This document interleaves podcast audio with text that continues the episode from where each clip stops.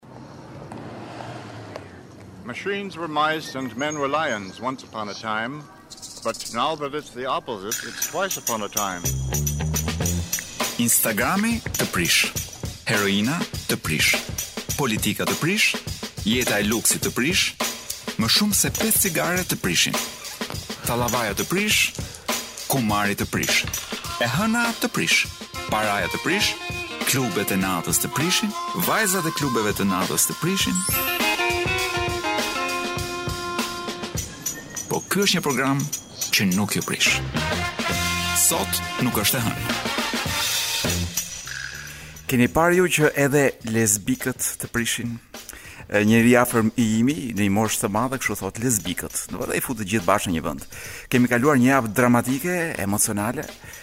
Jemi rrënqethur nga fakti që duan të na heqin fjalën nënë. Të paktën kështu na përcollën portalet ngjarjen e madhe ku një grup i vogël, një minoritet po tenton të na shtypë me këmbë neve që jemi shumica dhe që pretendojmë që jemi hetero, domethënë sepse kështu është edhe zakoni shqiptar që të bëjmë të gjithë sikur jemi heteroseksualë. Ky debati mbi fjalën nënë është diku i çuditshëm, e para sepse në në vetvete debati ishte vetëm për terma legjislativë ku për komoditetin edhe të njerëzve që nuk janë thjesht nënë dhe baba në familje, mirë do ishte që të shtoheshin dhe termat prind një dhe prind dy gjë që bota e qytetëruar po e bën. Por kjo ngjarja nuk e di pse preku shqiptarët aty ku s'i prek njeri dhe sigurisht abstinenca seksuale të bën që të prekësh në shumë vende. Pra je i prekshëm gjithandej. U prekën shumë shqiptarë dhe i gjithë ky debat që mund të ishte një debat i qytetëruar, po të ishim në një shtet tjetër, përfundoi në një domethënë filloi debati nëpër televizione, u transportua nëpër portale, u deformua atje, pastaj u shpërtheu dhuna në rrjetet sociale dhe ajo vajza Xheni merr ka marrë gjatë kësaj jave nuk e di me dhjetra kërcënime për vdekje, për shqyerje, për këputje kokash për për do të bëjmë këtë, do të bëjmë atë dhe e gjitha kjo sepse shqiptarët na dolën që qenkan shumë të ndjeshëm ndaj fjalës nënë. Uh, dhe janë sigurisht edhe të painformuar sepse nuk e kuptojnë që nuk nuk ua heq dot fjalën nënë njeri. Uh, pra është absurde që të dali një komunitet dhe të thotë që do të zhdukim fjalën nënë nga fjalori, kjo është një budallallëk që me dashje ose edhe pa dashje u keq uh, transformua. Uh, por gjëja që më habit është kjo ndjeshmëria jonë uh, me fjalën nënë. Ne që të paktën në vitet 90 ata që kanë memorie akuzonim rëndom njëri-tjetrin që marrim motrat dhe i dërgojmë prostituta. ë Ne që qeverisemi nga një bandë, nga një bandë kriminelësh, dhe nëna i ka bërë dhe ata, dhe jam shumë kurioz të di ç'mendojnë nënat e këtyre kriminelëve që na qeverisin. Në lidhje me këtë termin nënë apo termin prind një dhe prind dy. Sa rëndësi ka për ato nëna, nëse domethënë kur kanë parë çfarë nëse kanë parë dot se çfarë kanë nxjerrë dhe çfarë dëmi i kanë bërë Shqipërisë me ato me ato farë fëmijësh që kanë që kanë prodhuar, si ndihen ato nëna për faktin që ë uh, këta tani kjo lloj kategorie kriminelësh na paska bërë dhe e ndjeshme. Ndërkohë që kemi edhe aspektin tjetër, në një vend të shthurur, ë uh, ku ndodhin uh, dukuri ku Tradhtia bashkëshortore është një nga gjërat më të rëndomta. Braktisja e familjes është në modë. Mbajtja e 3-4 dashnoreve, ku di unë 3 gra në 3 shtete të ndryshme. Pra, në këtë lloj vendi, pikërisht këta njerëz, të cilët nuk janë në gjendje që të ndërtojnë vërtet një familje, sepse familja shqiptare është e shpartalluar, befas u bënë të ndjeshëm ndaj fjalës nënë. Këta që nuk arrijnë dot të bëjnë nënë, që prodhojnë kalamaj që janë, që nuk janë kalamaj, po janë robotë, të gjithë këta befas u shqetësuan dhe u prekën fort. U prekën shumë te fjala nënë. Dhe gjitha kjo në fund kur ti mendon gjitha këto thua, ore mos kemi një hipokrizi të hatashme si vend. Do të them se si mund të jemi kaq hipokritë? Ë, që këtej po themi të mbajmë nga tre dashnore dhe këtej shqetësohemi që po që pra po na prishet familja.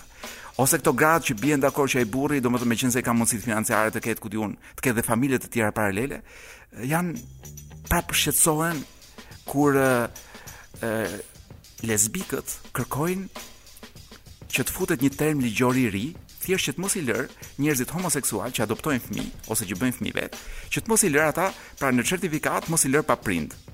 Meqenëse janë dy nëna dhe certifikata shumë normale që të ketë edhe terma të tjerë përveç termit nënë dhe babë për t'u përshtatur dhe kohëve ku jetojmë. Por jo, janë gjithmonë këta njerëzit e ndjeshëm, të cilët befas Doli që qenkan të ndjeshëm vetëm në këtë pikë.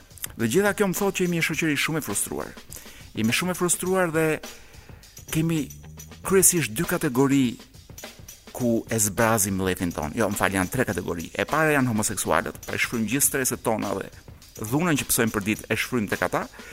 E dyta janë romët apo egjiptianët. pra një kategori që neve edhe aty shfryjmë stresin tonë të përditshëm dhe pastaj janë qentë e rrugës, kjo është kategoria 3 që ha shqelma vazhdimisht prej nesh domethënë, apo shtypet me makinë sepse ë është siç thashë një tjetër formë për të për të nxjerrë stresin tonë. Kështu që një shoqëri nga këto tre gjëra njihet, si trajton shtresat me ngjyrë, si si trajton komunitetet me ngjyrë, si trajton komunitetet homoseksuale dhe si trajton qentë. Dhe në të tria këto aspekte ne nuk kemi të drejtën as të luftojmë për fjalën nën. Aq më tepër që kësaj nënës së përbashkët që kemi Shqipërisë, ia kemi shkepur dhe shqyer të gjitha rrobat. Pra këta njerëz që shqetësohen për fjalën nën, Kur vjen puna për këtë nënën e madhe, Shqipërinë e kanë shkelur, e kanë shqyer, e kanë copëtuar çfarë s'i kanë bërë. E, do të kalojmë tek pjesa e lajmeve të javës që kaloi, një përmbledhje, një buqetë do thoja unë, e shkurtër, ë për të parë se çfarë gjëmash kanë ndodhur në vendin tonë, por edhe më larg gjatë asaj jave. Atëherë, e filloj me një me një lajm nga këta kështu që të rrëqethin, sepse përmban përmban po themi produktin po themi do thosha më të votuar në Shqipëri, sikur të bëshin votime për drograt, dhe që është kokaina, e cila ka mbritur në Durrës me logot e PSG-së, Diorit, Chicago Bulls-it, ku diun madje edhe të whiskit brazilian. Ëh, ç'të them. Unë fakti jam pak i zhgënjyer sepse prisja që të kishte edhe logo të Erë TV-s nuk kishte. Domethënë, unë kisha menduar që Erë TV-ja tashmë do të ishte një një logo ndërkombëtare. Ë nuk është, nuk është. Ë një tjetër ngjarje ka qenë shfaqja e zonjës së kryeministrit, zonjës Rama Linda në për pak thash në Erë TV, jo, në Euronews, ku ka thënë siç thonë gjithë gratë e mënçura që gjatë fushatës duhet të ketë etikë, thotë ata që nuk kanë etikë në fushatë nuk do ta kenë kurrë simpatinë time, do të thotë gjëra të kësaj natyre që janë shumë normale për të thënë, vetëm problemi është që i shoqi gjatë gjithë fushatës nuk bëri gjë tjetër vetëm i masakroi gratë në mënyrën më seksiste të mundshme në fushatë gjithmonë. Por unë do thoja që ndoshta zonja Rama nuk di gjë. Tash pse do të di gjë ajo e shkreta? Pse Ramën do dëgjojë ajo në TV? Pse budallaqë është ajo që të dëgjojë Ramën në TV? Se ç'thotë Rama, se më kujtohet për shkak një nga ato batutat e Ramës ku diun se ç'iu qep një katundare diku në një fshat e i tha, do të sjellim një dem, po do e sjellim për lopën, jo për ty, do ishte një gjë kështu rrëqethëse do thoja unë, por prodhon vota në fund të fundit siç edhe e kemi parë. Në Gjirokastër paskan marrë flakë varrezat publike. Pyetja e parë që më shkon në mendje është, në Gjirokastër paska edhe varreza private. Dhe në qofë se ka dhe varreza private, kush paguan? Përveç rastit kur i varrosin në oborr të shtëpisë, gjithmonë për kursyer. Ë Tashi kjo puna e flakës në varreza publike nuk e di se si ka ndodhur, por unë them gjithë ata duhampirës që banojnë atje, edhe kështu be, be, me një term të të të përjetshëm, sigurisht që një herë do të merrte flaka ajo e shkretë varrezë. Apo s'e pinë gjirokastritët duhanin. Armë pa leje dhe municion luftarak arrestohet i riu në Tiranë, që më duket shumë e çuditshme, sepse në Tiranë tash e dimë të gjithë që nuk shkohet as deri te farmacia pa të paktën një granatë me vete. Unë madje DJ Wiz edhe te furri i bukës shkoj, domethënë kur shkoj te furri i bukës, ata më kërkojnë fillimisht para lekëve më kërkojnë atë lejen e armëmbajtjes. Sepse kështu është bërë Tirana e sotme. E bukur dhe e frikshme. Tre muaj më parë i dënuar për korrupsion, Rama i paska shkuar Sarkozis në shtëpi. Madje jo vetëm kaq, por ka thënë e kam këshilltar. Shumë bukur. Tashi çfarë kemi? Mbasi Sarkozi rrezik është edhe në në arrest shtëpie, cili mund të jetë takimi i ardhshëm i zotit kryeministër shqiptar? Unë them që në qofë se vërtet do të marrë këshilla siç merka nga Sarkozia, unë pres që takimi i ardhshëm të jetë me El Chapon. Megjithatë prapë, unë besoj që edhe sikur ky vërtet ta takojë El Chapon dhe t'i shkojë dhe në ku di unë ku e kanë atë në burg ku është, shqiptarët me siguri do ta marrin si një arritje shumë të madhe. Në të vërtetë, kryeministri do e shesë si arritje, por po shqiptarët do e besojnë që është një arritje shumë e madhe. Sepse për popullin tonë luftarak, rëndësi kanë emrat dhe jo veprat. Dhe El Chapo është një emër simpatik. 10 vjet bisedime Kosovë-Serbi, Shtetet e Bashkuara dhe BE-ja kërkojnë marrëveshje deri në fund të vitit, gëzuar ditëlindjen, domethënë edhe 100 vjet të tjera. Apo nuk është ky urimi i duhur, o DJ Viz? Duket se jo. Instagrami të prish. Sot nuk është e hënë. Tashmë Instagrami, domethënë mënyra se si të prishte Instagrami, nuk quhet më prishje. Tani ka dalë ky TikToku që po prish njerëzit nga mendtë, burra nga 60 vjeç. Futen në TikTok dhe tentojnë të ndjehen si 15 vjeç. Sepse është më lirë, sepse për të bërë këtë gjë dikur duhej të paguaje ku di unë ca goca të reja masazhatore thuaj, i, i, ia kanë vënë emrin tani, që do të bënin të ndiheshe i ri. Jo, tani mjafton të futesh në TikTok e ke falas, Domethënë ti mendon se ke falas, po ata ndërkohë kanë marrë gjithë të dhënat e tua dhe ti bën si sikur je një një djalosh, ku di unë, 15, 17, 20 vjeç. Ë uh, unë vuaj nuk e di juve, unë vuaj gjithmonë për të për të mbajtur mend këngën përpara përpara reklamave. Domethënë ndërkohë që dëgjoj reklama, përpiqem ta mbaj mend këngën, dhe, po nuk është e mundur. Kurrë nuk arrij deri në fund të bllokut të reklamave ta mbaj mend këngën, sepse gjithmonë ka një 100 muzika, një 100 Gjithmonë del ndonjë tip që më bën për të qeshur gjatë reklamave, dikush që them o bo bo bo bo bo kur si e kanë bërë këtë reklamë etj etj. Tani kemi mbërritur tek pjesa kur nuk merremi me as me thashetheme, as me hallet e Shqipërisë, por merremi me ë si ta themi, me hallet e thella të botës. Ë kemi mbërritur tek pjesa ku lexojmë nga një copë libri çdo javë. Kam në dorë sikurse edhe javën e kaluar nga Irvin, dë, si s'e mora vesh si e ka emrin një herë ky mo burrë. O DJ Wiz, dil pyeti aty poshtë kapja. Ë, uh, sepse duket që gjithë ata poshtë që, që të gjithë ata që pinë kafe rrotull stadiumit duket që kanë lexuar këtë doktor Jalomin. Janë prandaj aq të qetë dhe të shpenguar duket sikur s'i shqetëson asgjë në këtë botë. Ky është uh, psikanalist në fakt, ekzistencial madje. Është edhe shkrimtar, një miks i çuditshëm, ka shkruar libra, uh, po themi romanza, fiction, por ka shkruar edhe libra seriozë që kanë lidhje me profesionin e tij dhe një nga këto libra seriozë domethënë, një libër kështu gati gati dokumentar është Krijesat e një dite e kam në dorë. Në këtë libër ka rrëfenja nga seancat e psikoterapisë që ky zotëria bën me klient me pacientët e vet. Por ndoshta mund t'i quajmë dhe klientë. Është Është një libër që e rekomandojnë të gjithë ë do thosha unë psikanalistët më në zë të, të Shqipërisë, sepse është nga të paktët libra që vërtet të bën të, të kuptosh pak nga bota dhe nga hallet e njëri-tjetrit. Pra këtu gjen halle ose mund të kuptosh halle edhe Shqipërie. Ë kam do shfletoj libri është një botim i, a ta gjej ku këtu, se nga kush është botuar. Ky version që kam unë në dorë është Botuar nga shtëpia botuese Morava, përkthyer nga Ilira Sejdini Vaid. Ndërkohë që ju mund ta merrni këtë libër dhe të gjithë librat e Jalomit mund t'i merrni me 20% ulje duke u futur në bukinist.al. Detajet se çfarë duhet të bëni për të marrë këtë ulje, këtë zbritje në çmim, mund t'i gjeni në rrjetet tona sociale të radios. Jo as tek e imja as e DJ Wizi. DJ Wizi në rrjetin e vet social pranon të flasi vetëm për, ku di unë, astronomi.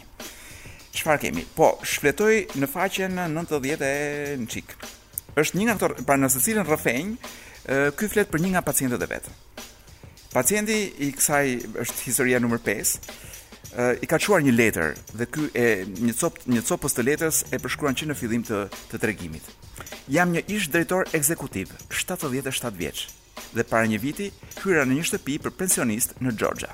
Vend i mirë, por nuk po ndihem rehat. Kam probleme të vazhdueshme përshtatjeje. Kam një vit që shkoj tek një terapiste, por kohët e fundit puna ka ngecur. A mund të më ofroni një konsultë? Jam i gatshëm të fluturoj për në Kaliforni në çdo kohë. Tri javë më vonë, ky burri, ky 77 vjeçari, i futet në zyrë doktor Jalomit Të gjitha historitë siç thashë janë histori të vërteta, vetëm emrat mund të kenë ndryshuar.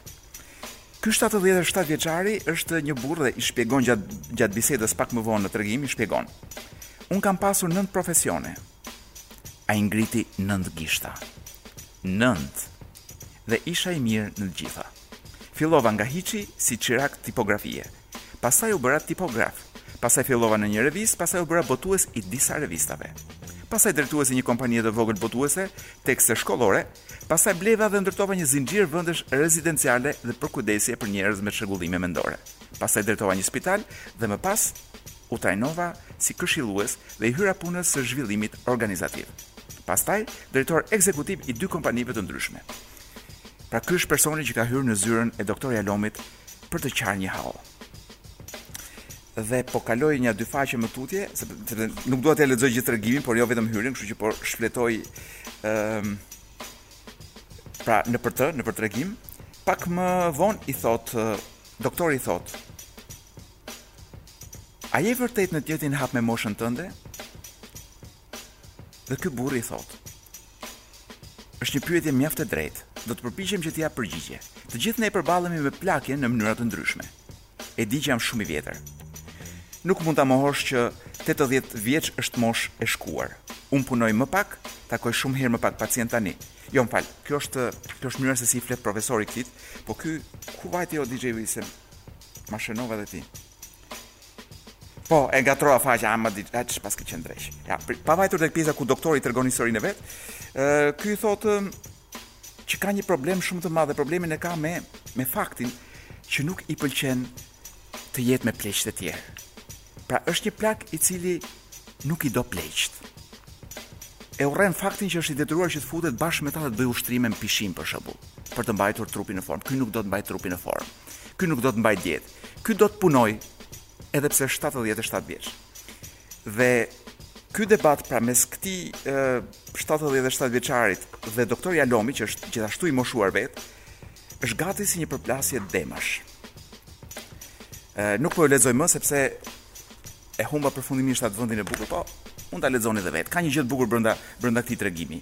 Ka ndërkohë një 10 a 12 tregime Të gjitha shumë interesante për të kuptuar botën njerëzore. Kështu që shkurtimisht, në vend që t'ju flisja për një gjë të rëndësishme, do të flas për një gjë fare të parëndësishme dhe çfarë është kjo gjëja e parëndësishme. Kjo është një tabelë që unë e kam hasur në hyrje të një pallati ku jetojnë të huaj, ë dhe prandaj duket e kishin vënë në anglisht që ta merrnin vesh shqiptarë dhe të huaj që jetonin atje brenda. Dhe i thot, un po e them në shqip, po është gjysma shqip, gjysma anglisht. Dhe i thot, kjo letra e ngjitur tek ashensori thot, natën që shkoi Na keni lënë gjithë natën zgjuar sepse bëni shumë zhurmë.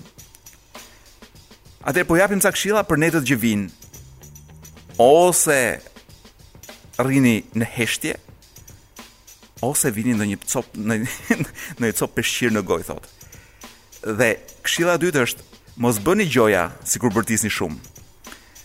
Pastaj thotë e treta, ë po të doni mund na ftoni edhe ne komshijve për t'ju asistuar.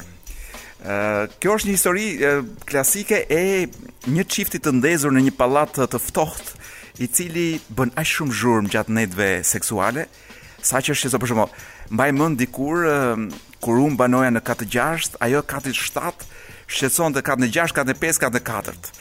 Dhe këtu për të dalë tek tema që un fakt do doja të trajtoja, ë është gjetur në mënyrë shkencore se pse gratë në krevat ose edhe në vende të tjera bërtasin më shumë se sa burrat. Tani un kam dëgjuar dhe burra që bërtasin shumë, për të qenë i sinqert. Dhe të shqetësojnë. Wizi o prit se, më janë ngatruar historitë. Ky burri që bërtiste o DJ Wizi ishte në tren. Po më bërtiste për tjetër arsye ky burri. Po, them edhe burrat bërtasin gjatë seksit dhe janë shumë shqetësues. Ë, po kjo puna e grave shkencërisht është vërtetuar që në të gjitha shoqëritë njerëzore, pra duke filluar nga ku di unë nga Shqipëria deri në Rusi, pastaj në Kinë dhe pastaj në Nigeri edhe deri në Meksikë e tutje, gratë bërtasin shumë. Dhe arsyeja është un lexova një artikull shumë të gjatë se pse bërtasin gratë gjatë aktit seksual është është do thoja un shumë simpatike dhe shumë e vlerë. Sepse gratë dhe nuk bërtasin vetëm gratë e njerëzve, bërtasin edhe deri edhe ku di unë, edhe gratë e pelikanëve, pelikaneshat, edhe ato gjetkan një formë për të bërtitur dhe për të ulëritur në krevat. Në krevat, domethënë ku di unë ku Por o Wiz, ku më ike? Se do të, desha të bëj një pyetje, pelikanët ku bëjnë seks? Di gjë ti? në ujë thotë. Ama DJ Wiz tashi ka ka ikur moda e ujit dhe për pelikanët. Nëse ë për ta përmbledhur se do flasim me gjëra shkencore. Arsyeja pse gratë bërtitkan kaq shumë është sepse kanë shumë nevojë t'i tregojnë jo vetëm këtij mashkullit me cilin janë, por dhe gjithë meshkujve të tjerë që janë në zonë, që janë të shëndetshme, ë dhe pjellore në në një fazë të caktuar. Dhe kjo gjë kjo vjen nuk është se e mendojnë, pra njerëzit nuk e mendojnë këtë gjë. Kjo gjë i ndodh në mënyrë biologjike sepse ndodhka pothuajse tek të gjithë primatët. Pra edhe babuinet, babuinet zonja bërtasin kur babuini zotëri, domethënë preston në mënyrë seksuale atje. Dhe kjo qenka pra arsyeja është pikërisht kjo. Dhe po ta keni vënë re, në qoftë se ka shumë gra rrotull, Gratë në përgjithësi nuk bërtasin se nuk duan nuk duan të futen konflikt me gratë të tjera që janë në zonë, por kur ka shumë burra rrotull, britmat rriten. Ë dhe gjitha kjo pra siç thashë për të treguar sepse në mënyrë instinktive një grua e ka të nevojshme t'i tregojë të gjithë meshkujve që janë rrotull, siç thashë, që është po themi që është në moshën e duhur për të bërë gjënë e duhur dhe për të shtuar njerëzimin me qenie aspak të duhura. DJ Wiz më bën shenja. Ç'është kjo shenja DJ Wiz? Ma tregon çik më, më në detaje. Çfarë kemi muzikë apo gjëra të tjera? Publi nuk do t'ju vë muzikë, por ju premtoj që mbas publicitetit, mbas lajmeve, mbas një gjëje tjetër që do bëjë DJ Wizi, ju kemi përgatitur një këngë që do ju rrënqethë. Mos harroni sot nuk është e hënë dhe ju po dëgjoni Top Albania Radio. Non stop only on top.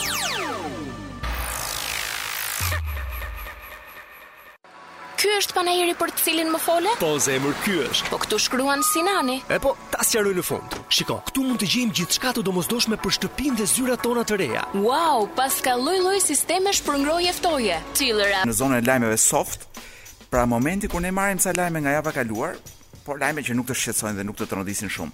Edhe pse mes tyre janë pak në fakt, mes tyre sapo pash që pas kemi një lajm që mua më rrënqethi, më rrënqethi. Por nuk mund të rri pa jua thënë. Është ehm, është botuar në Citizens Channel dhe meqë ra llafi ë ehm, si me thënë, po i quaj sikur janë sponsor edhe pse nuk paguajnë për për këtë emision. Po citizens vizë channel.com ku ju mund të gjeni gjëra të veçanta dhe origjinale, edhe investigime madje. Dhe Citizens vizë Channel apo Channel.com ka botuar një artikull mbi vdekjen e rrapit 400 vjeçar që është tek ura e tabakëve.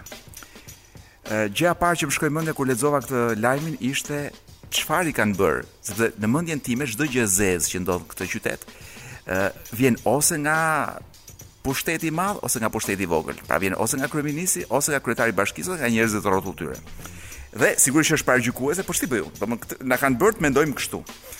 ë dhe doli që jo, rrapi i urës së tabakëve këtë radhë ka vdekur denjësisht Si zotni burrë, domethënë ka vdekur nga mosha e thyer, 400 vjeç. Ë pra është pranvera e parë që ky rrap nuk çel lule prej 400 vjetësh. Imagjino ka çelur edhe në kohë të, ku di unë, të të pushtimit gjerman. Ë ka çelur edhe gjatë pranverës arabe po e po er, na mi zi. Ë ka çelur edhe në kohën e Osman Beut. Osman Beu është ai që ka atë këngën, Jo Osman Agajt, më fal. Që don, që kur këndohej kënga Osman Agajt me Osman Agajn gjallë, ky ishte një rrap i gjallë. Tani është një rrap i vdekur, por, por dhe këtu vijmë prapë prapë tek këta njerëzit e papërgjegjshëm që menaxhojnë qytetin. Ajo që bëhet zakonisht me këto pemë të mëdha të vjetra që vdesin, ë është që u merret, siç po lexoj në artikull, u merret një filiz. Pra kur dihet që ata kanë arritur një moshë të thyer si pemë, u merret një filiz në mënyrë që e, geni i kësaj peme të vazhdojë. Pra po themi kodi gjenetik i kësaj peme të mund të vazhdojë dhe të mbillet po aty. Pra vendet që planifikojnë apo që kujdesen për gjërat, ë do ta kishin zgjidhur këtë gjë. Sigurisht që në Tiranë s'e dinte njeri sa ve vjeç ishte ky rrapi dhe sigurisht as e ka vrarë mendjen njeri për t'i për t'i marrë një filiz dhe për ta rimbjellë. Dhe me siguri janë gëzuar se kush e di ç'po mendojnë. Tashi u lirua dhe një vend, mund të ndërtojmë një gjë. Një nëntëkatësh aty, ke vendi i rrapit. Gjëja tjetër që ka ndodhur, Roza dhe kjo është prezantimi nga ana e Bankës së Shqipërisë e kartëmonedhës 10000 lekëshe, e cila banka apo do të mbajë portretin e Asdrenit. Ëh, Do 10.000 lekë er, ne ne këtë Asdrenin, as kemi as e kemi parë në shkollë, pas kemi as kemi për ta parë në xhep, sepse kush do i bëj sa 10.000 lekë që do kenë shqiptarët të përtuar dhe ta mbajnë dhe në xhep, domethënë. Ë, uh, le që nuk ta thyen njeri një herë. Do të të bredhësh me 100.000 lekë të vjetër nëpër Shqipëri, do të thotë të jetë si ai çeku 1 milion. Do nuk ta thyen njeri. Gjëja e këtij të, pra, edhe ju që nuk njihni Asdrenin, duhet keni parasysh që është versioni i Fifit, po i po themi i 200 viteve përpara. Ë, uh, ama ky lëvronte gjuhën shqipe të pastër, pra nuk lëvronte këto llumrat e e zhargoneve të shqipes, edhe të deformuara ndër të tjera. Kjo puna e kartmonedhave të reja ka ngjallur edhe një debat që është e, do thoja unë i nxehtë, po gjasme i nxehtë, nuk është aq i nxehtë sa ç'duhet në Shqipëri, sepse ka lindur pyetja, pse gjitha kartmonedhat dhe ja ku i kam i ka bërë dikush bashkë të gjitha. Pse gjitha kartmonedhat shqiptare kanë figura mashkullore? Po flasim këto të mbas viteve 90. Ë Guvernatori i Bankës së Shqipërisë ka thënë s'ka diferencime, thotë, kemi ndjekur etapat historike. Më duhet të them që po vazhduan të ndjekin etapat historike. Ne më parë do të kemi ndonjë kal ose ndonjë pastor gjerman në kartmonedhë se sa të kemi ndonjë femër. Pra qoftë se këta ndjekin etapat tona historike, të cilat në përgjithësi janë diktuar nga burra të dhunshëm. Kështu. Ja ku e bëmë edhe një një gjë të mirë për shoqërinë, i shamë burrat edhe thamë diçka të mirë për përfshirjen dhe meqë ra llafi jemi të hapur për sponsorizime dhe për mbështetje të emisionit nga gjitha shoqatat e grave. Me kaq e kemi mbyllur me lajmet roz, ë mund të kisha folur pak edhe për seksin që bëhet me pakicë në këtë vend, por kam frikë se do shokoj DJ Wizin dhe mund të lërë dhe punën mbasi ta dëgjojë këtë lajm, kështu që ndoshta mund të përmbahem. Tek muzika që kemi premtuar prej Pra publicitet, uaa, publicitet thotë se ke folur shumë. Pra sa herë që flas shumë më dënojnë me publicitet. Blerina Shehu është tashmë në studio. Më dëgjoni? Unë të dëgjoj edhe nga nga një studio shumë e madhe, mezi po arrij edhe të të shoh. Prandaj, në... kjo do të thotë që më dëgjojnë edhe të gjithë dëgjuesit e sot nuk është e hënë, kështu që i përshëndes të gjithë. Edhe mirë se u gjeta. Edhe dhe kemi hyrë tek sot nuk është komo moderne. Kak tebja zavut është e vetmja shprehje që unë di në rusisht. Mirë je me kufjet me zërin, po, me volumin? Po, tani po, tani jam shumë mirë. Mirë se të gjeta dhe njëherë. Mirë se erdhe. Ç'lajme të bardha na sjell. Të mëshme. Le, le të zbukurojmë pak, le të sheqerosim pak. Kemi ndonjë gjë që po ndodh në Shqipëri. E rëndësishme është mbi të gjitha që nuk do të jenë lajme nga nuk vijnë nga Shqipëria, nuk vijnë oh. përtej Nga kjo anë e do na gëzosh me ndonjë lajm tjetër. Oqeanit vijnë nga ana andej e oqeanit. E kemi kapërcyer edhe detet, siç thotë ajo kënga I travel the world and the seven seas. Po. Dhe do të shkojmë gjeje se ku, në Shtetet e Bashkuara të Amerikës nga ku vijnë të gjithë sondazhet më interesante që mund të bëjnë njerëzit në kohët moderne.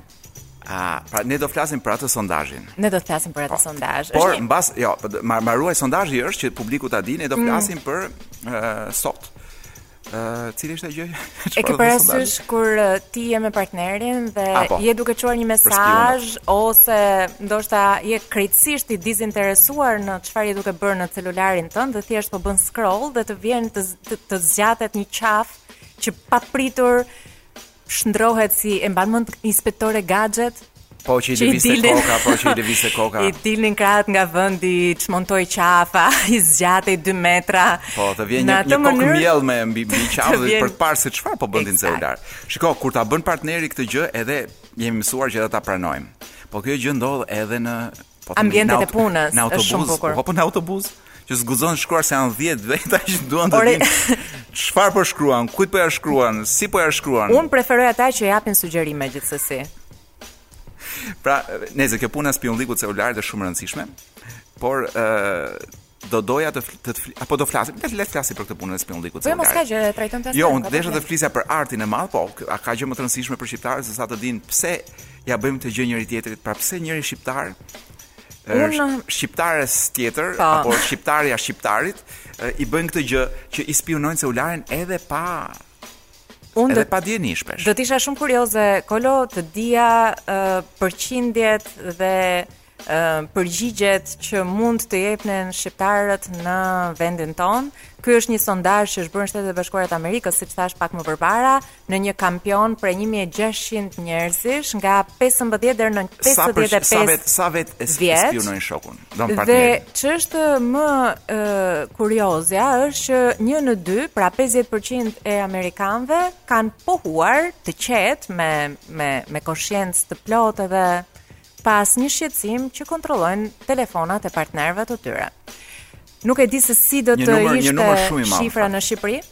Po shiko, unë mendoj që nuk ka rëndësi në Amerikë. Domthonë kjo është ky është një trend botëror. Domethënë nuk ka rëndësi fakti që sondazhi është bërë në Amerikë. Unë besoj që ë uh, natyra njerëzore për të spiunuar teknologji. Domethënë ne kemi të njëjtin celular siç kanë amerikanët. Po. Kështu që unë nuk besoj që ne jemi një popull më pak kurioz. Jo, mund të jemi më shumë. Tani e ndoshta ndoshta kjo ka të bëjë pak me barriera dhe para se të shkojmë më thellë në sondazh, mm -hmm. është kjo puna e barrierave, le të flasim kështu si Si si dy dy hallexhi me njëri tjetrin. Ja më thuaj. Se ne jemi vërtet dy hallexhi në këtë mes. Ka shumë hallexhi. Ë që kanë frikë se mos u kapet. Unë për shkak principi im është ky. Ha.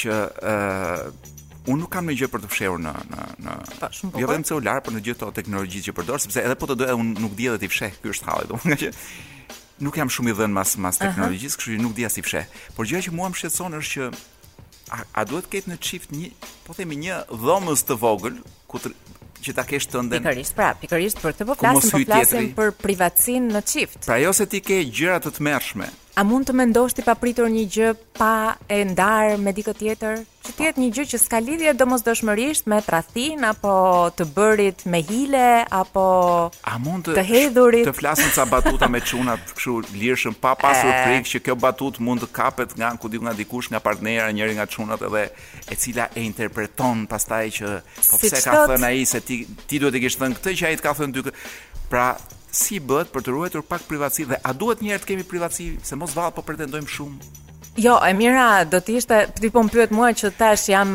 bashkëvuajtëse në këtë drejtim.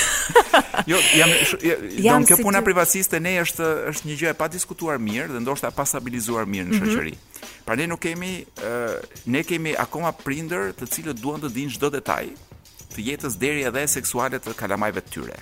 Po, ne le të themi që vijmë nga nga këto apartamentet 50 metra katror, dy dhoma e guzhinë, 7 ku paketoheshim njëri mbi tjetrin. 7 njerëz në një apartament ku ku ku do të thoja un mbaj mend për shembull komshia ime e katit poshtë kur vinte Gjoja për të pirë kafe në mëngjes më më tërhiqte gjithmonë vëmendjen që nuk kisha rregulluar krevatin e prindërve të mi që çoheshin shumë herët pra, për shembull. Komshia, komshia kishte informacion të detajuar dhim dhe mbi krevatin e prindërve të tu. Pra. Ajo nuk kishte, ajo thjesht hynte në derë, në hapte derën e dhomës dhe shihte Po edhe ju nuk guxonit, ju nuk guxonit t'i thoshit ndal, mos hy se është dhoma e gjumit dhe, dhe, dhe aty fle gjyshi nganjëherë lakuriq komplet. Dhe... Jemi në vitin 1986, 7, imagjino, nuk është as Kjo kulturë vazhdon akoma në disa ekzakt. në disa vende, jo në Tiranë shumë. Por prap unë mendoj që ne kemi trashëguar këtë mënyrë të të, të mos pasurit të privatësi. Pra, dhe edhe edhe fakti kur ti në moshën e, e brishtë 45 vjeçare vendos të ikësh nga shtëpia dhe u thua prindërve që un po dal më vete, prindërit shqetësohen, si t'ia themi komshive, pse po ikën çuni nga shtëpia në këtë don, çat kemi bërë. Pra, nuk e kuptojnë idenë që njeriu do të jetojë edhe vetëm ndonjëherë. Ashtu është. Po si do jetosh vetëm ti njëherë? Po unë të kam bërë kokën. Edhe po si pra, vjen keq një herë, unë kam sakrifikuar vite të tëra. Kjo kulturë trashëgohet pastaj, kupton që vjen ky burri ose gruaja që është mësuar apo vajza apo djali që që është rritur në këtë lloj familje ku ata duan të dinë çdo gjë për ty dhe të kontrollojnë çdo gjë nga jeta jote. Kur vjen puna, nuk i duket e çuditshme që të mos kontrollojë gjithçka nga jeta e partnerit. Dhe çfarë ndodh në ato raste është ti e sheh partnerin ose partneren tënde në sy dhe i përgjigjesh sikur po i përgjigjesh jo vetëm asaj, po prindërve të asaj, tezeve, hallave, xhajave. Pra, nuk ke më një marrëdhënie të drejtpërdrejtë me partnerin apo partneren, po je ti dhe ata. Tani ka ndonjë nga ana shkencore dim ndonjë mënyrë se si të vendosim ca limite apo ti thua çdo çift vendos limitet e veta. E, jo, këtë nuk dim ta bëjmë. Këtë as ne më të më të rriturit nuk dim ta bëjmë. Unë mendoj që ndoshta brezat e rinj, ndoshta do rriten me një frymë tjetër, kur them brez i ri, e kam fjalën 13 e poshtë.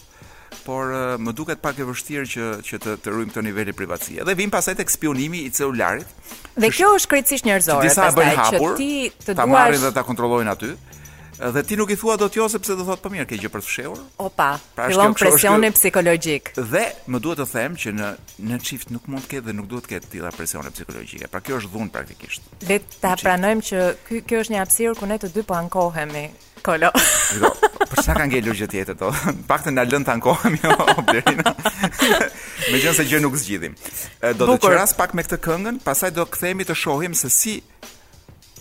Jo, kemi një... Ah, duhet... Kemi publicitet, Kolo, ke folur shumë. Jo, do të, jo, të penalizoj. Jo, na dhuroi, na dhuroi edhe një minutë e gjysmë kohë. Okay. Kështu që mund të zhytemi në, në të dhënat e sondazheve. Unë dua të di, në qoftë se mund të ma thuash në mënyrë precize.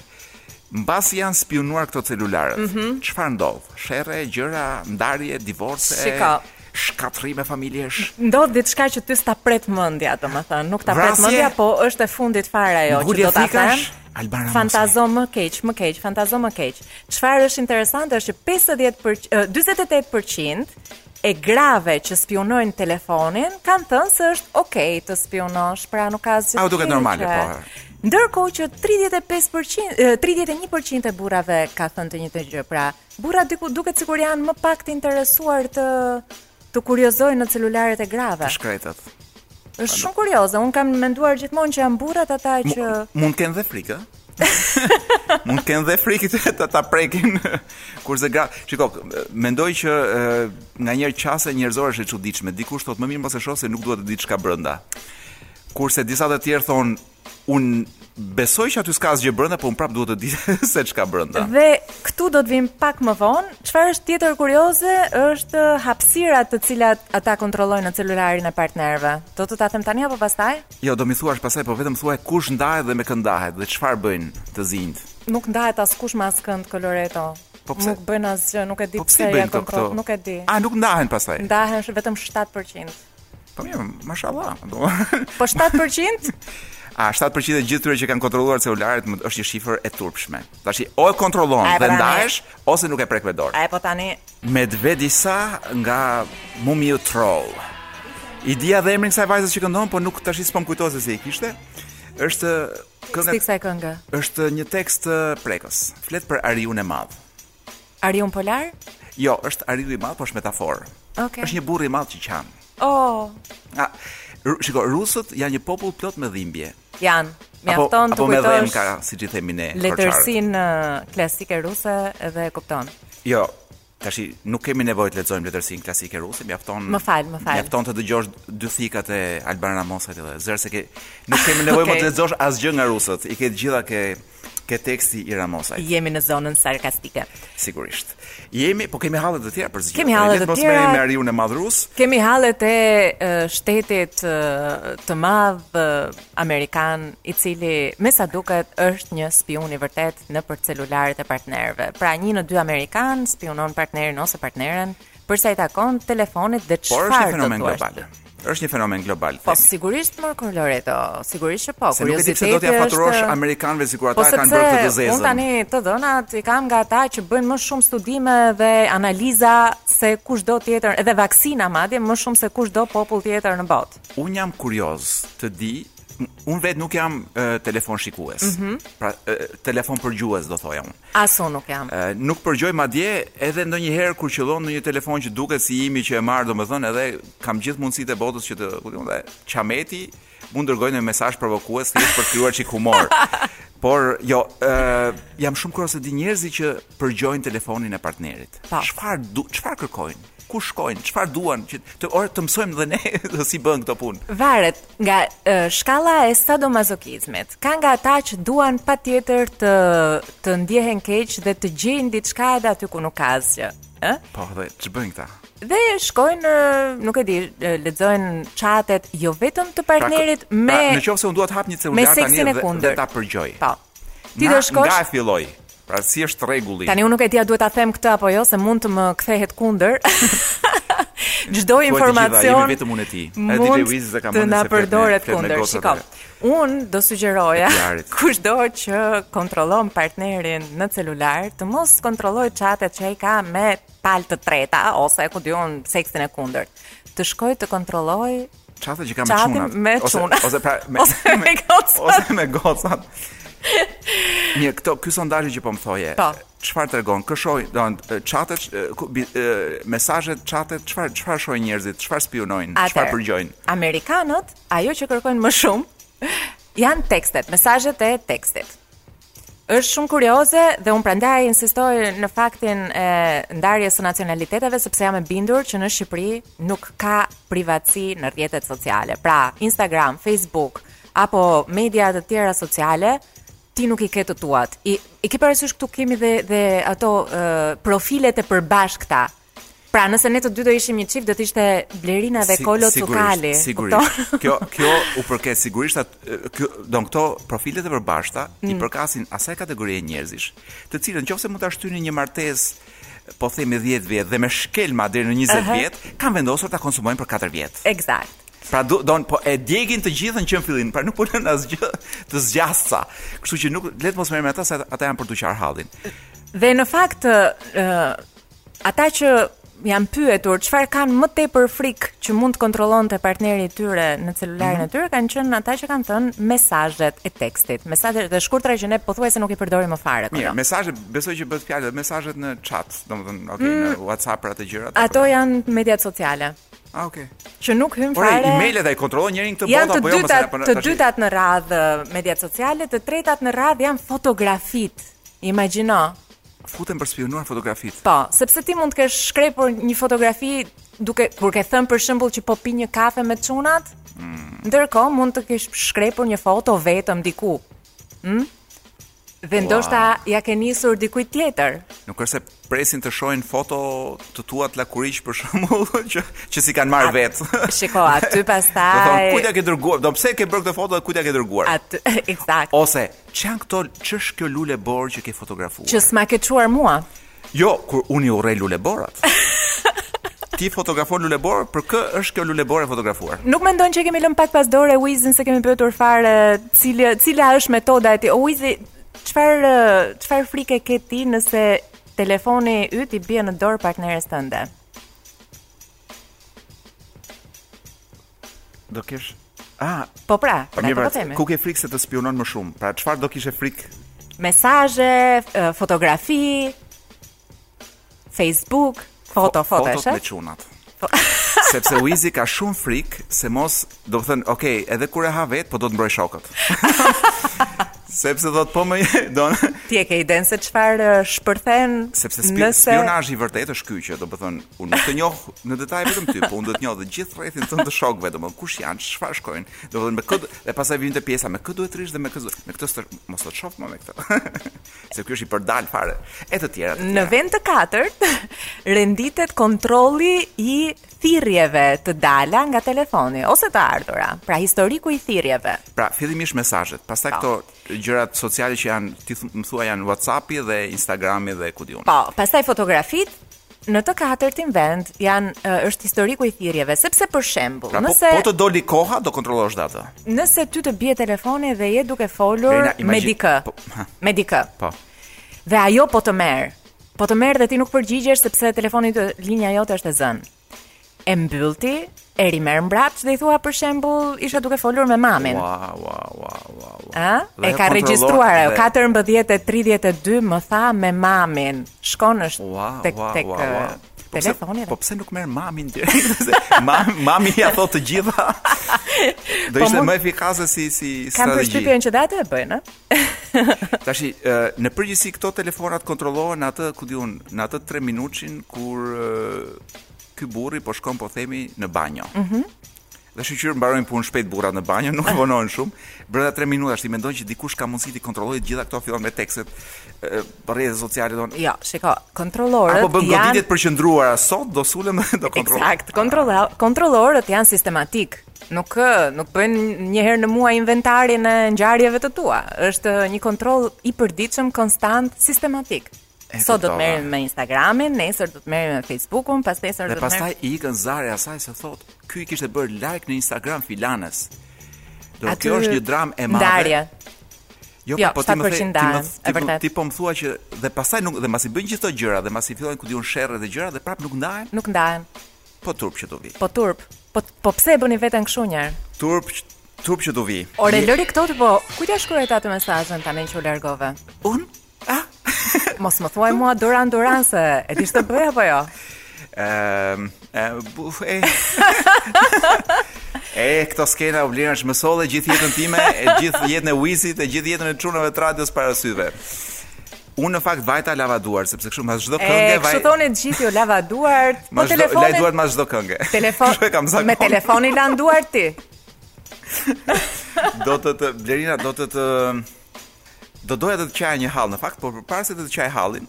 Tani po bën viktimën, po. Më duhet të them që ngjarja më më e bukur e javës që kaloi ishte një ngjarje që nuk u festua fare në Shqipëri dhe që ishte festa e babait. Ishte dje. Apo sot? Dje. Ditën e djeshme. Po. Po ne një kemi, festën e nënës. Ne se ne kemi e kemi atë e kemi dhe nënë dhe baba. Po. I festojmë te nëna të dyja.